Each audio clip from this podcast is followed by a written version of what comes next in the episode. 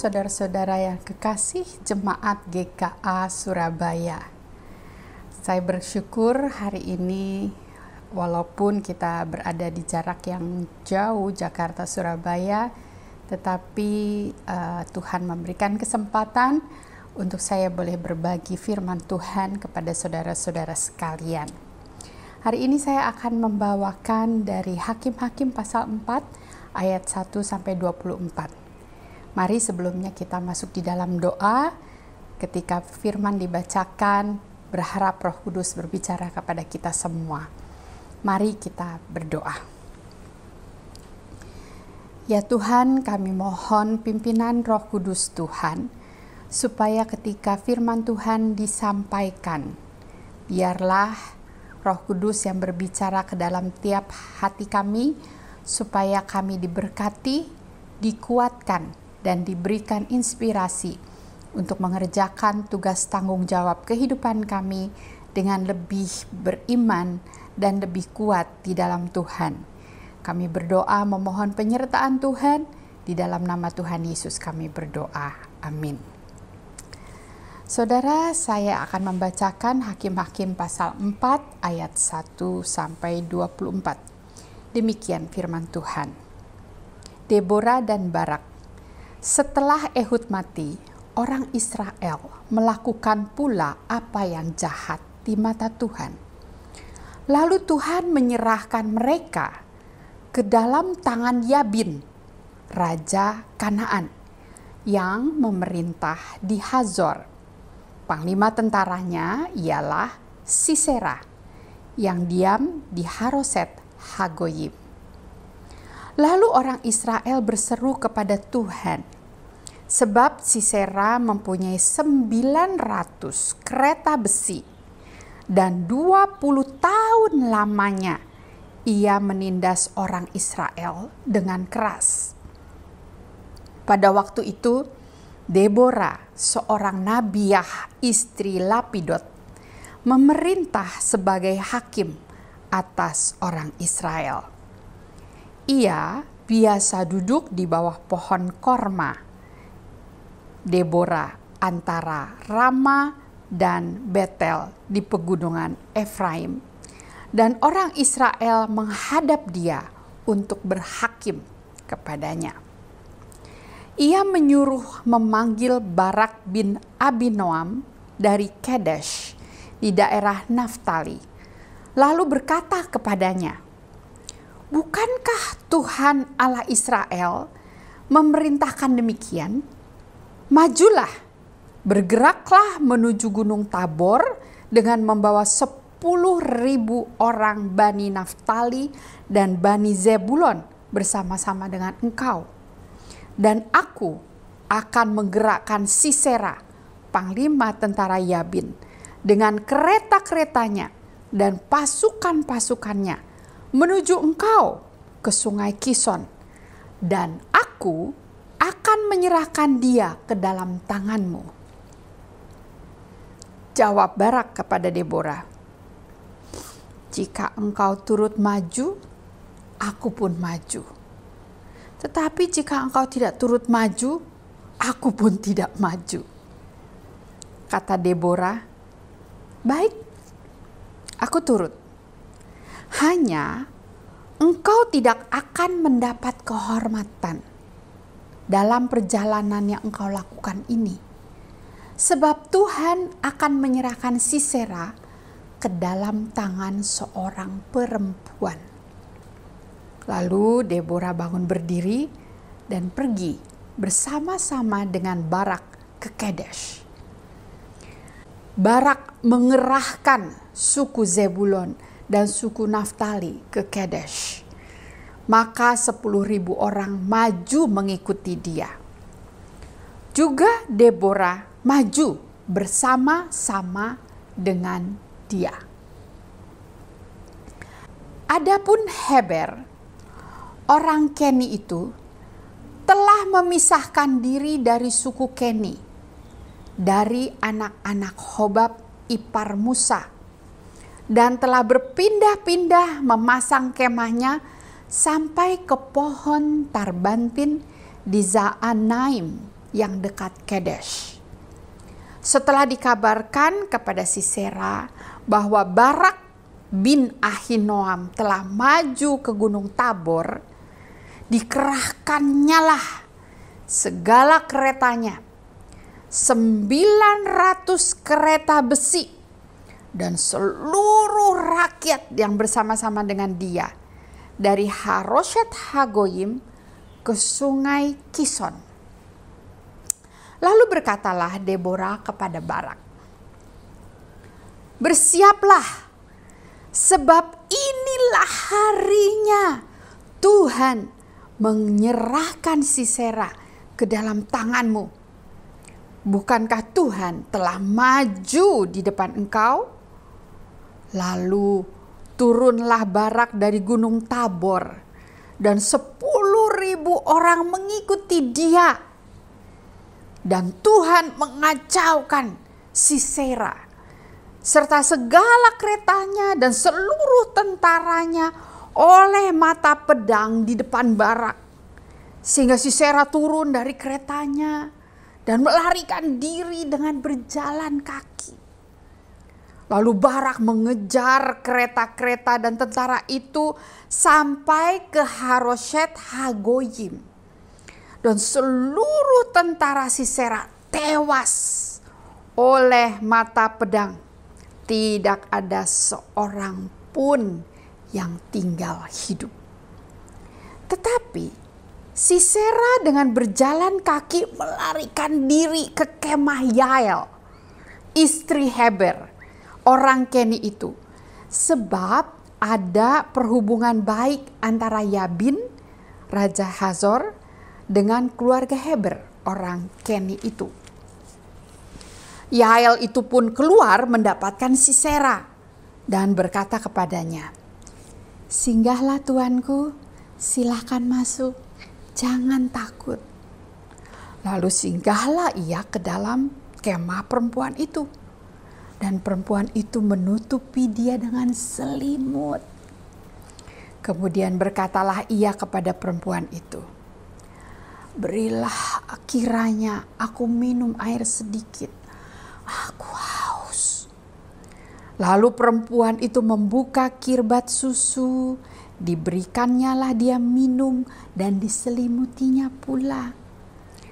Lalu katanya kepada perempuan itu, berdirilah di depan pintu kemah dan apabila ada orang datang dan bertanya kepadamu, ada adakah orang di sini? Maka jawablah tidak ada. Tetapi Yael, istri Heber, mengambil patok kemah. Diambilnya pula palu, mendekatinya diam-diam, lalu dilantakkannya patok itu masuk ke dalam pelipisnya sampai tembus ke tanah. Sebab ia telah tidur nyenyak karena lelahnya maka matilah orang itu. Pada waktu itu, muncullah Barak yang mengejar Sisera. Keluarlah Yael mendapatkan dia dan berkata kepadanya, Mari, aku akan menunjukkan kepadamu orang yang kau cari itu. Lalu masuklah Barak ke dalam dan tampaklah Sisera mati tergeletak dengan patok dalam pelipisnya. Demikianlah Allah pada hari itu menundukkan Yabin, Raja Kanaan, di depan orang Israel. Dan kekuasaan orang Israel kian keras menekan Yabin, Raja Kanaan, sampai mereka melenyapkan Yabin, Raja Kanaan itu. Sedemikian jauh firman Tuhan yang sudah kita dengar, kiranya Tuhan memberkati saudara-saudara yang mendengarkan, menyimpan dalam hati, dan melakukan segala pesan-pesan dan hikmat dalam firman Tuhan ini dalam hidup sehari-hari. Amin. Saudara, sebelum saya melanjutkan menyampaikan penjelasan pemaparan firman Tuhan hari ini, saya ingin mengajak anak-anak jikalau ada di antara saudara hari ini hadir atau berada bersama dengan saudara untuk bertemu dengan boneka saya, Apit. Boleh dipanggil anak-anak?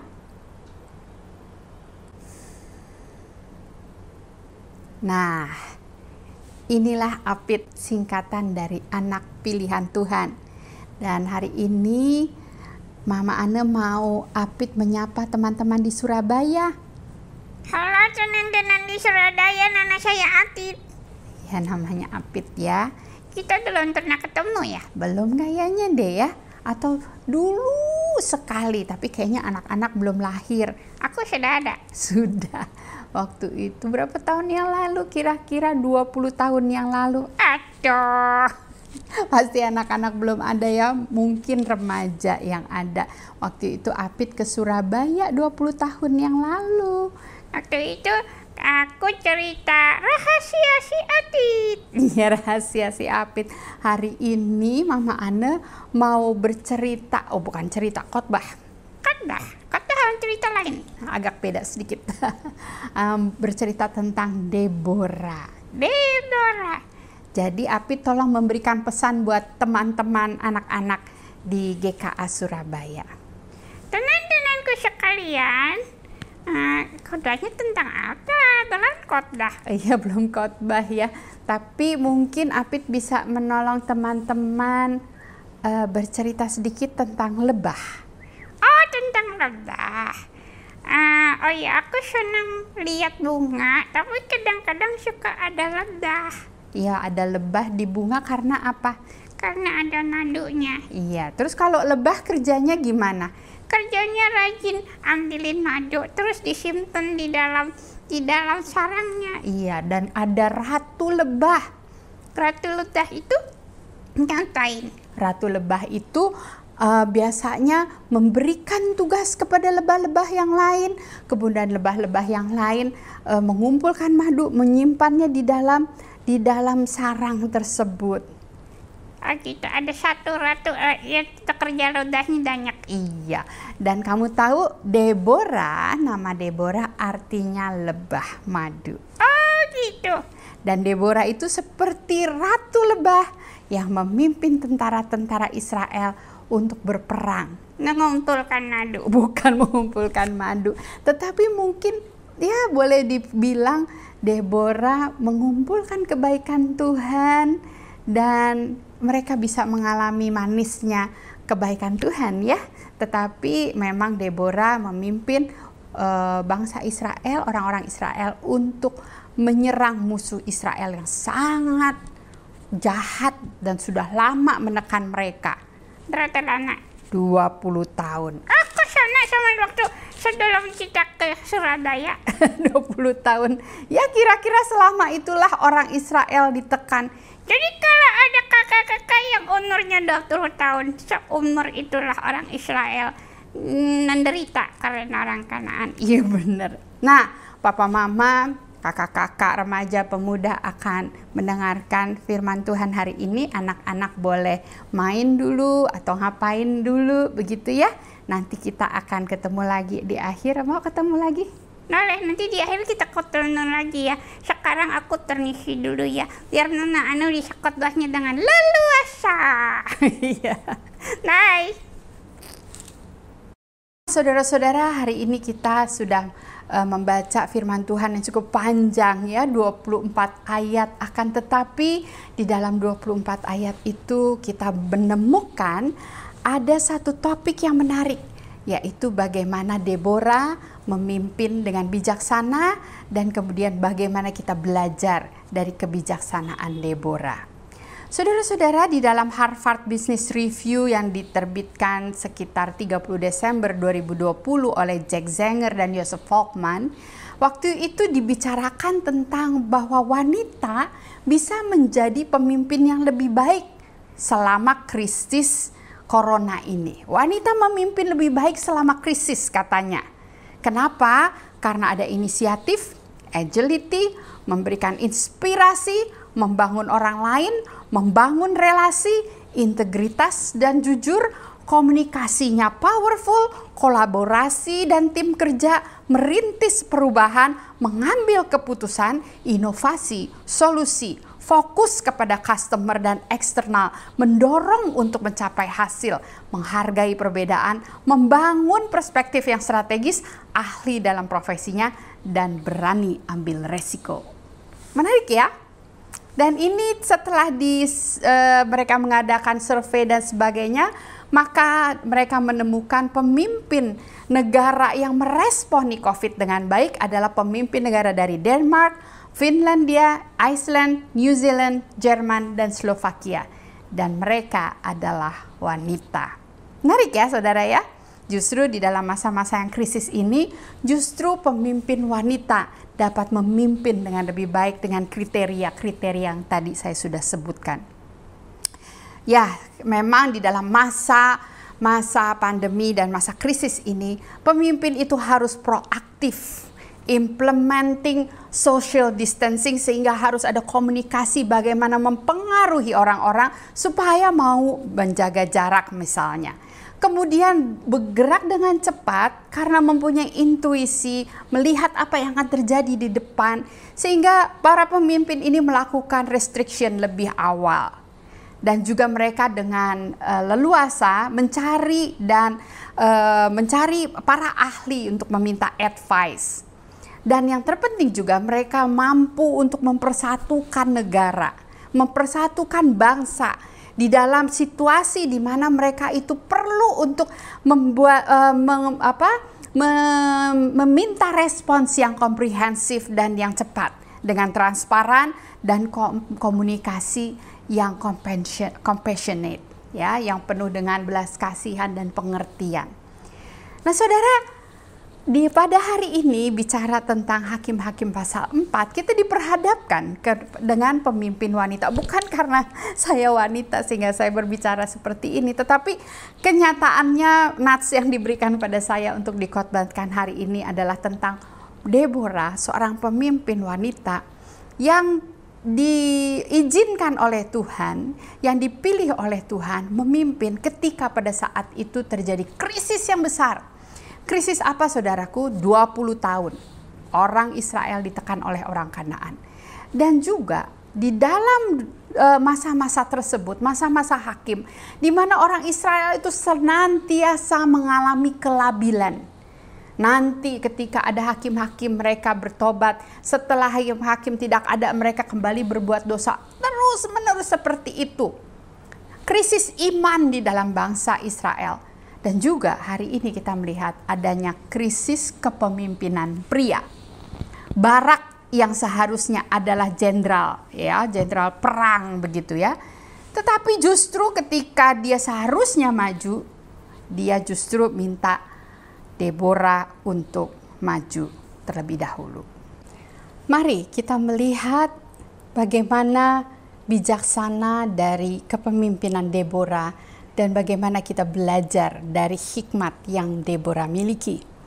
Yang pertama-tama saudara, Deborah adalah pemimpin yang dari mulutnya keluar kebenaran.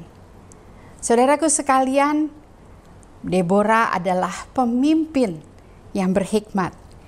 Di dalam ayat yang kita sudah baca tadi disebutkan di ayat yang keempat, Deborah seorang nabiah, istri Lapidot Saudara tidak diceritakan Lapidot itu siapa, tetapi diceritakan Deborah adalah seorang istri. Sebagai seorang istri, biasa saja.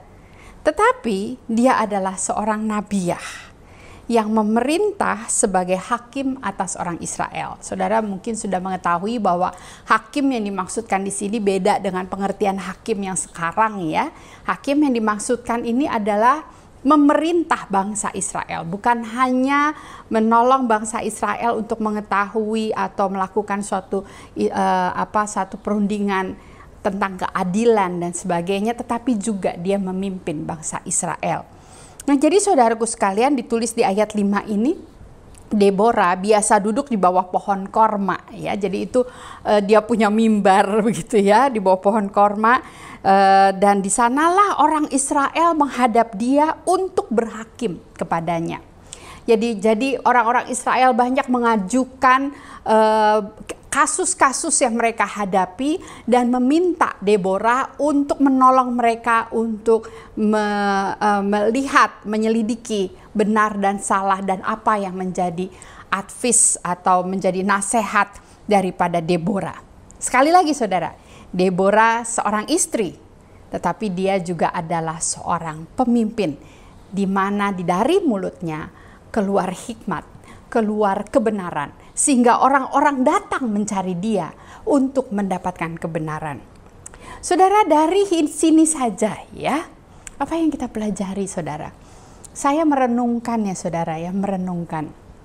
Kalau kita sebagai pemimpin keluarga, entah eh, sebagai ibu atau sebagai ayah, atau pemimpin di dalam sebuah perusahaan, atau di dalam sebuah organisasi, Pertanyaannya ya saudara ya, apakah saya memimpin itu dengan hikmat? Artinya dari mulut saya keluar kebenaran dan nasihat-nasihat sehingga orang-orang akan mencari kita untuk bertanya. Saudara, baru-baru ini saya kehilangan uh, seorang rekan yang sangat dekat. Dia baru saja menyelesaikan masa pelayanannya di tempat kami di Yayasan Unike. Kena COVID dan beliau dipanggil Tuhan. Saudara ketika uh, upacara kremasi dan juga uh, upa, apa acara untuk mengenang kehidupannya. Saya sangat kagum Saudara. Saya sangat terkesan dengan uh, kesaksian dari anggota-anggota Yayasan Unike dan juga banyak lagi orang di luar itu yang menyatakan keterhilangan mereka dan satu hal yang hampir sama diucapkan oleh orang-orang yang dengan cucuran air mata, dengan sedih mereka menyaksikan, mereka mengatakan apa? Saya dikuatkan, saya bisa menjalani hidup ini karena nasihat-nasihat dari Ibu Wechen, rekan saya ini. Dan saudara, banyak sekali orang-orang yang mengatakan, saya sangat kehilangan nasihat-nasihat dari Ibu Wechen. Kebetulan saudara di, mas, di awal masa pandemi kami membuat satu acara pembinaan rohani untuk anak-anak dan membuat satu semacam tim gitu ya, tim pencerita yang mempunyai karakter dan waktu itu kami sengaja memilihkan karakter untuk Wechen ini nenek nasihat. Jadi saudara benar-benar ya kami kehilangan dia, bukan hanya kehilangan sosoknya, kehadirannya, tapi kami ke kehilangan nasihat-nasihat yang biasa dia ucapkan. Orang bertanya, menantikan jawaban dari dia. Nah, saudaraku sekalian, setelah acara-acara itu usai, saya merenungkan ya, hmm, bagaimana dengan kami yang ditinggalkan, hamba-hamba Tuhan lain yang ditinggalkan. Apakah kami juga mempunyai nasihat yang cukup bijak untuk menolong orang-orang yang sedang membutuhkan arahan dan bimbingan? Kemudian saya merenungkan lagi, saudara. Anak-anak saya sudah besar ya. Dua orang, yang satu ada di Chicago dan sekarang sedang pindah ke kota di mana adiknya tinggal. Jadi mereka akan sama-sama tinggal di Seattle. Uh, yang pertama usia 25, yang kedua usia 21. Jadi sudah dewasa ya saudara ya. Lalu saya renung-renungkan, saya pikir ya, apa ya yang melekat di dalam hati, di dalam ingatan mereka. Apakah nasihat-nasihat yang saya berikan, ajaran-ajaran saya berikan, mereka anggap itu sebagai sesuatu yang berharga, yang mereka simpan dan mereka ingat. Atau sebaliknya, saudara, apa yang keluar dari mulut saya itu nggak berguna, sia-sia. Malah mungkin kalau bisa tidak perlu didengar dan mereka tidak mau mendengarkan. Banyak saudara, banyak. Anak-anak dewasa yang bercerita nggak mau dengar kata orang tua. Karena apa? Karena kata-kata yang dikeluarkan oleh orang tua itu bukannya sesuatu yang sifatnya menguatkan, mendorong, memberikan hikmat, memberikan pencerahan, tetapi justru sesuatu yang melemahkan hati, yang membuat marah, yang membuat jengkel. Saudara, itu menjadi satu perenungan bagi kita ya. sebagai pemimpin, apa yang keluar dari mulut kita? Apakah seperti Deborah yang di dalam mulut dari mulutnya itu keluar kebenaran sehingga orang mencari dia ke bawah pohon korma untuk mencari ibu Deborah bertanya kalau saya ngalamin ini jawabannya apa? Saudara, ini menjadi satu perenungan dan refleksi buat kita.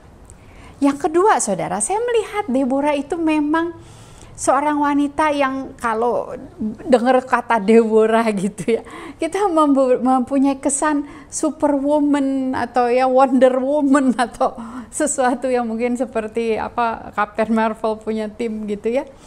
Tapi saudaraku sekalian, saya melihat satu sisi yang berbeda juga di dalam diri Deborah.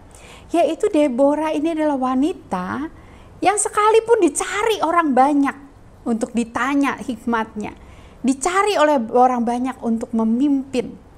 Tetapi saya melihat Deborah itu tahu posisi dan tanggung jawabnya.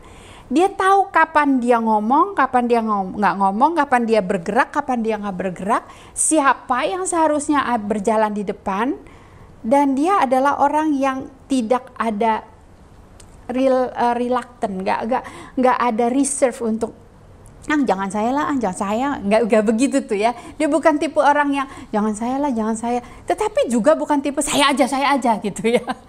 Dia tahu posisi dan tanggung jawabnya kapan uh, waktu yang tepat dan siapa orang yang tepat. Kenapa saya bilang begini?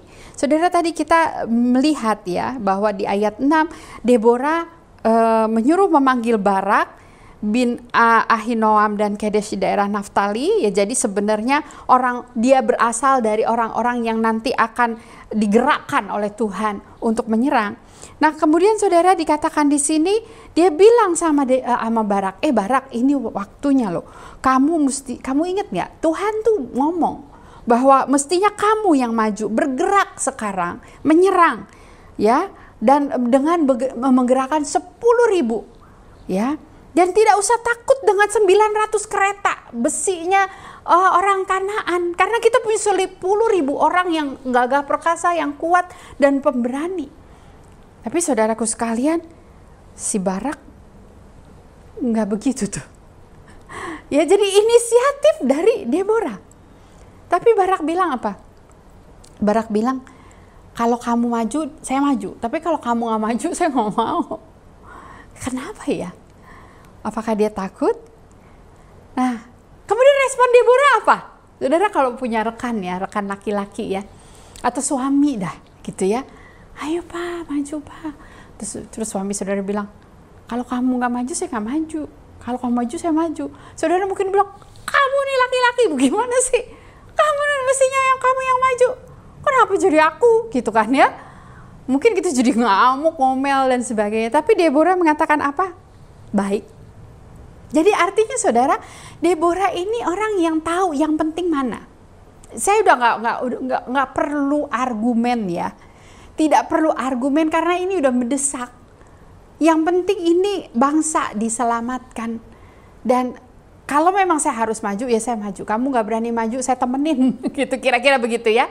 Tetapi kamu tetap maju, saya temenin kamu begitu ya. Jadi saudara Deborah mengatakan baik, aku turut hanya ya Deborah kasih konsekuensinya. Hanya engkau tidak akan mendapatkan kehormatan dalam perjalanan yang engkau lakukan. Ya, walaupun sebenarnya waktu Deborah mengatakan si Sisera akan diserahkan kepada tangan perempuan, pada akhirnya kita melihat bukan Deborah, perempuan itu, ya adalah Yael. Ya, jadi Deborah mengatakan perempuan tanpa mengatakan bahwa itu adalah dirinya. Dia hanya mengatakan apa yang Tuhan katakan, dia sampaikan kepada Barak. Jadi saudaraku sekalian, kita belajar di sini ya dari Deborah. Deborah ini orang yang berani maju. Tetapi juga nggak sok tahu. ya. Dan dia juga tahu posisinya. Tetap di dalam konteks paternalistik. Di dalam konteks budaya laki-laki itu harus memimpin. Deborah tetap memberikan ruang itu untuk laki-laki memimpin. Saudara, saya menyadari Ya, saya menyadari benar bahwa semakin hari kita melihat dengan perjuangan Ibu Kartini ya, derajat wanita sudah di uh, apa diangkat begitu ya. Tapi saudara, kita juga mesti hati-hati jangan sampai istilahnya kebablasan. Saya pernah menulis sebuah artikel uh, waktu yang sudah lama sekali ya. Uh, waktu itu saya masih hamil. Jadi 25 26 tahun yang lalu saya menulis sebuah artikel ketika saya pergi ke Jalan Jenderal Sudirman menjemput suami saya. Kemudian saya melihat banyak ibu-ibu muda yang keluar dari kantor, pulang dari kantor. Dia membuat saya berpikir, Saudara. Membuat saya berpikir karena saya pun sebenarnya wanita yang nggak bisa diem ya. Wanita yang nggak bisa cuman ada di rumah aja begitu ya. Wanita yang senang bergerak senang berinovasi senang berkreasi bahkan saya penginjil keliling gitu ya pada waktu itu. Nanti ada di Surabaya nanti ada di Semarang besokannya ada di Jogja dan sebagainya begitu ya.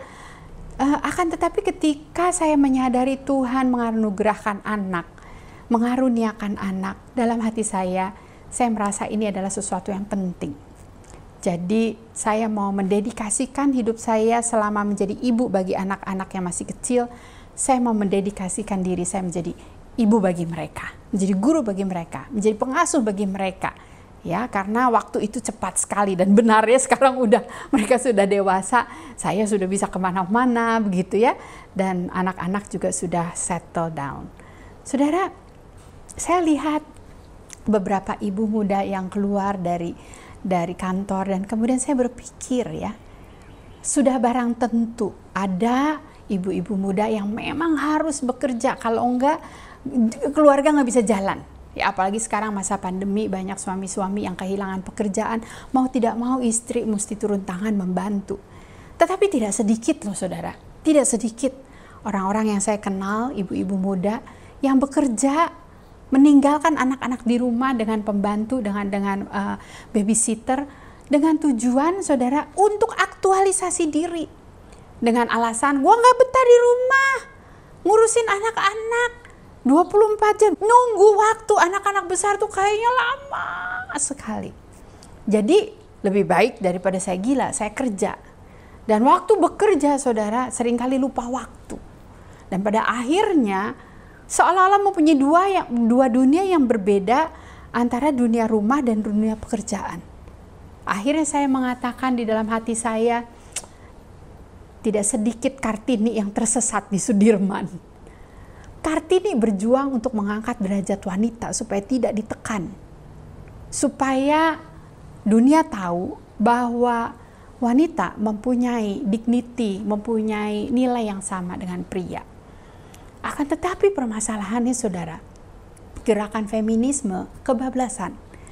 Akhirnya menekan laki-laki dan mem membuat wanita lebih superior. Bahkan ada gereja yang kemudian mengganti nama Allah Bapa menjadi Allah Ibu. Him, his menjadi her. Dan menurut saya itu kebablasan. Saudara, Deborah menempatkan diri tepat. Dia tahu tempatnya dia adalah mendorong Barak. Yang menarik saudara, kalau kita lihat di sini yang menarik, waktu itu Deborah uh, bersama-sama dengan Barak berjalan ke Kadesh, ya 10.000 orang maju mengikuti dia dan Deborah juga maju bersama-sama dengan dia dia 10 ayat 14 lalu berkatalah Deborah kepada Barak Bersiaplah, sebab inilah harinya Tuhan menyerahkan Sisera ke dalam tanganmu. Bukankah Tuhan telah maju di depan engkau? Tetap loh saudara. Ya, waktu pertama Deborah bilang, Barak ini udah waktunya kamu menyerang. Terus Barak bilang, sama-sama ada ya. Dan oke, okay, saya maju. Ketika sudah maju, Deborah tetap, ayo Barak, kamu maju. Jadi saudara saya melihat di sini waktu Deborah mengatakan ayo maju bukan karena dia takut ya. Saya yakin karena dia tahu ini adalah yang Tuhan mau. Yang Tuhan sudah tetapkan adalah yang maju adalah Barak. Sebenarnya Tuhan mau menyerahkan Sisera ke tangan Barak.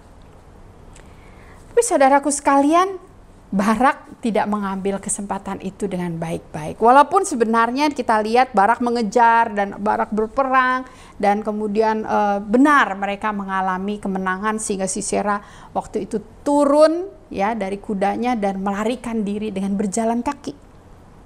Tapi saya pikir ya, kan si, si, si Sisera kan turun jalan kaki, musuhnya udah gampang banget kan Barak nangkep dia gitu ya, bunuh dia segera. Enggak tuh, Barak kemudian dia uh, lebih heboh untuk mengejar tentara-tentaranya si Sera. Ya, sehingga si Sera dengan berjalan kaki terus dia ke sempat minum susu dulu, ketemu Yael dulu, selimutan dulu gitu ya. Ada waktu yang cukup uh, panjang sampai udah tidur, udah dibunuh dan sebagai baru si Barak muncul begitu ya. Dan itulah akhirnya apa yang dikatakan Deborah benar, uh, si Sera dikalahkan oleh perempuan. Saudaraku sekalian, ya, saya melihat di sini Deborah adalah pemimpin yang tahu tempatnya di mana. Dan yang ketiga, eh, Deborah adalah pemimpin yang mau dipakai oleh Tuhan. Ya, Deborah adalah pemimpin yang apa pun yang Tuhan minta dia akan kerjakan. Wanita yang dianggap lemah dalam budaya Yahudi dicatat sebagai nabiah yang sangat berperan dalam kemenangan bangsa Israel. Setelah 20 tahun, saudara perhatikan di ayat ketiga, dikatakan di situ, Orang Israel berseru kepada Tuhan sebab Sisera mempunyai 900 kereta besi dan 20 tahun lamanya ia menindas orang Israel dengan keras menindas orang Israel dengan keras selama 20 tahun. Dan di akhir dari pasal 4 ini, setelah Sisera dikalahkan, saudara di akhir pasal 4 ayat 24 ditulis, dan kekuasaan orang Israel kian keras menekan Yabin. Menarik ya? Sekali lagi saya minta saudara balik ke ayat 3. Kanaan, Sisera menindas orang Israel dengan keras. Ayat 24. Di akhir semuanya dikatakan kekuasaan orang Israel kian keras menekan Yabin. Dan bukan hanya sebegitu saja. Kemudian ditulis sampai mereka melenyapkan Yabin raja Kanaan itu. Jadi bukan hanya Sisera. Tetapi sekarang Israel di bawah pimpinan Deborah, istri Lapidot. Menekan dengan keras Yabin, melenyapkan Yabin, raja Kanaan itu. Saudara luar biasa sekali ya Walaupun kita lihat ya sebenarnya di ayat 15 dan selanjutnya setelah Deborah nyuruh Barak untuk maju, nggak disebut lagi. Ya, Deborah nggak disebut-sebut lagi. Sampai terakhir, Deborah nggak disebut-sebut lagi. Akan tetapi kita tahu siapa yang mimpin bangsa Israel. Jelas sekali di ayat keempat itu bahwa dialah yang memerintah sebagai hakim atas orang Israel. Sebagai pemimpin bangsa Israel. Jadi saudaraku sekalian, saya melihat di sini luar biasa Tuhan. Tuhan bisa memakai siapa saja. Dan Tuhan ketika Tuhan panggil mau pakai. Mau nggak? Pertanyaannya itu tuh. Mau nggak? Taat nggak? Barak ragu-ragu. Nggak tak. Taatnya mesti didorong-dorong begitu ya sampai akhirnya dia tidak bisa mendapatkan kehormatan itu. Akhirnya mendapat kehormatan siapa? Deborah. Di akhir walaupun tidak dituliskan dengan jelas-jelas namanya siapa. Saudara, apa yang kita pelajari di sini, saudara? Tuhan mau pakai kita. Saya tidak tahu ya, saudara ya, seberapa banyak saudara peka mendengar Tuhan minta saudara untuk melayaninya dengan sungguh. Mungkin hal yang sederhana saja. Tuhan ingin Anda menjadi pemimpin bagi anak-anak Anda saja. Bagi anggota keluarga, bagi keluarga besar. Taat nggak saudara? Atau saudara punya banyak alasan seperti Barak? Atau saudara mengatakan, kamu aja deh. Banyak ini ya guyonan anak-anak di uh, seminari di STT atau bahkan di Unike. Seringkali kita guyonan, uh, inilah aku Tuhan, utuslah dia, utuslah mereka. Saudara, coba saudara refleksi. Berapa kali saudara sebenarnya tahu ini sebenarnya saya yang diutus.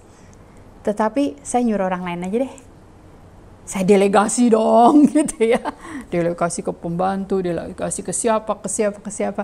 Saudaranya sendiri nggak nggak maju. Saudaraku sekalian, sebenarnya, sebenarnya ketika Tuhan menyediakan kesempatan kita untuk dipakai. Tuhan sudah menyediakan kekuatan. Ya contoh ya saudara ya. Sebenarnya sebelum saya khotbah nih saya tuh lemas banget ya. Dalam hati saya begini nih. Iya kamu mau khotbah tentang Deborah yang kuat ya kamu sendiri lemes. Bisa nggak khotbah? Saudara saya mencoba untuk mengamini apa yang akan saya sampaikan. Bahwa ketika Tuhan mau memakai saudara, Tuhan sudah menyediakan kekuatan itu. Tuhan sudah menyediakan pimpinannya. Bahkan Tuhan sudah mempersiapkan kemenangannya. Kita sering kali ragu ya untuk menjawab panggilan Tuhan.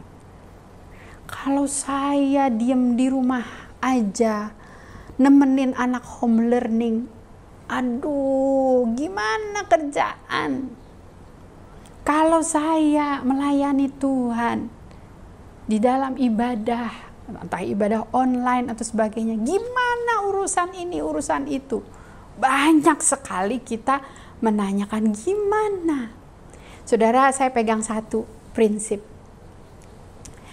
Tuhan yang aku percaya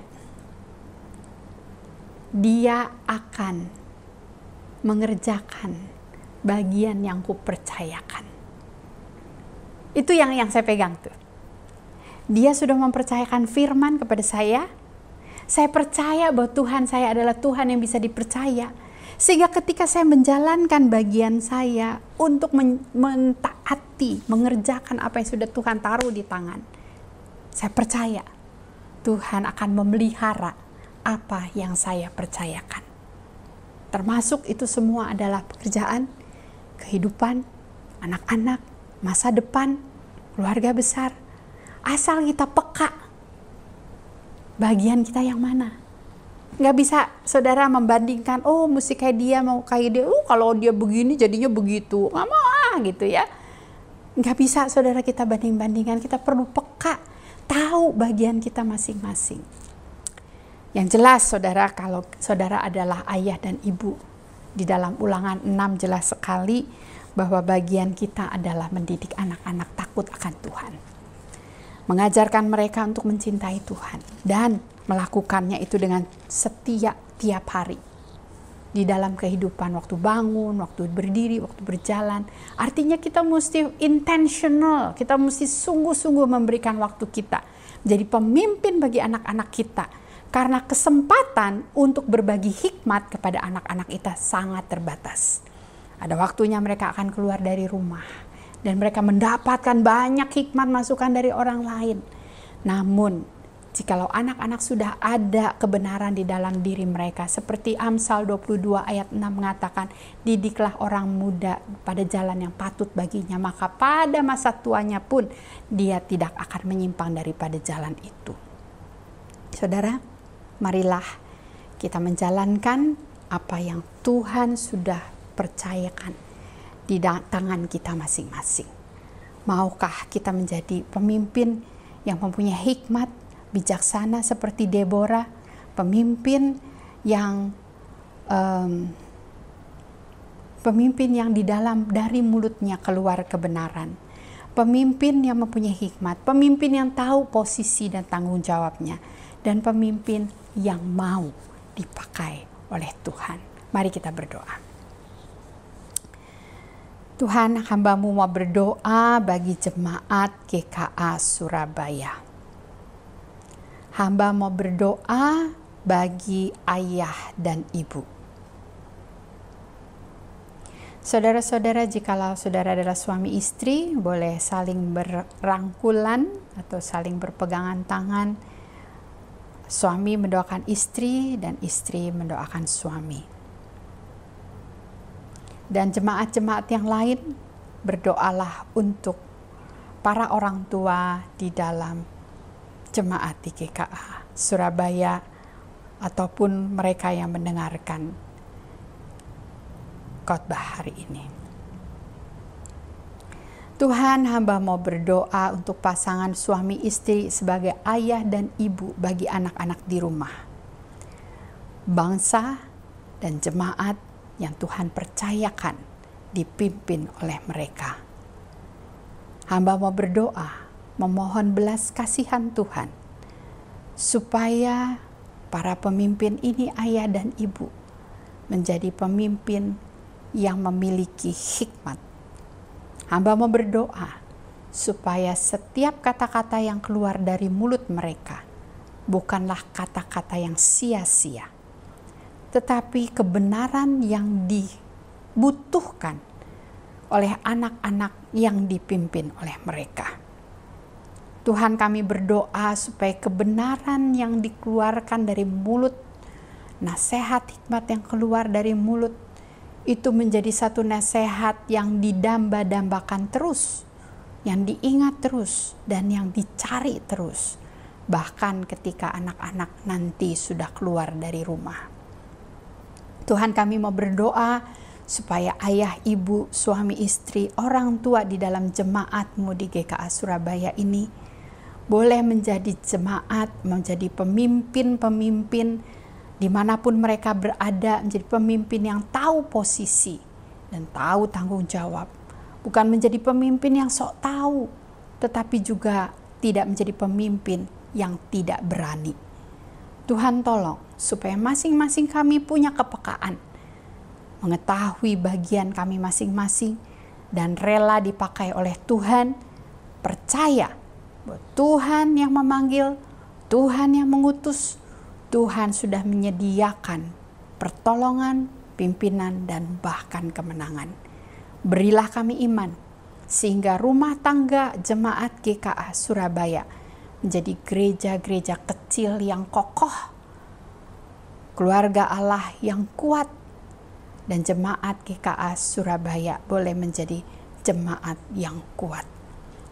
Pada saatnya nanti pada kami saat kami berkumpul sebagai jemaat di dalam pertemuan fisik, kami boleh merayakan kemenangan ini.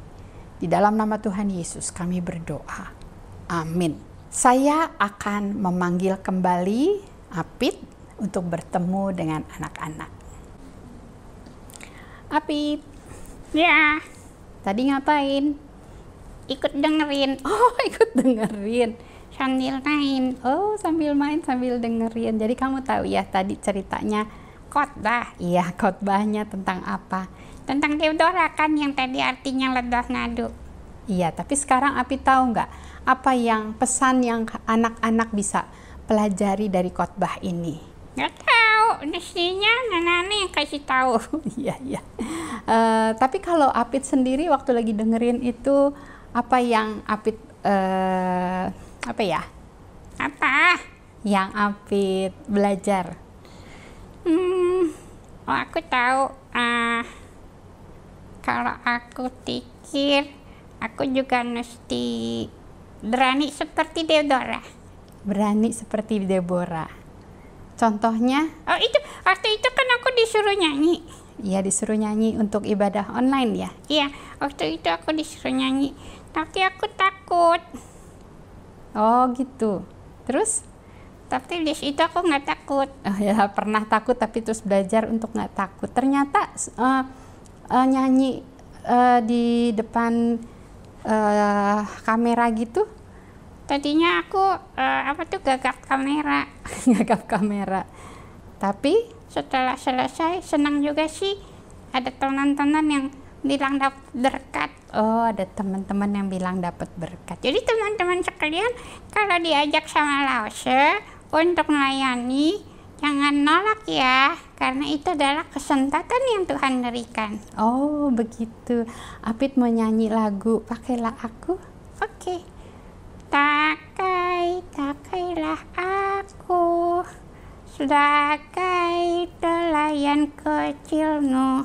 Kalau aku masih terlalu kecil, Tuhan pakai aku. Udah deh gitu aja. Nanti dengerin aja sendiri di Spotify Aida. Oh iya, karena sudah lama ya. Teman-teman sekalian juga mau melakukan aktivitas yang lain. Sampai jumpa, ketemu lagi. Mudah-mudahan di Surabaya. Kita disenyakan satu dengan masih ibadah. Makasih saudara, selamat hari Minggu.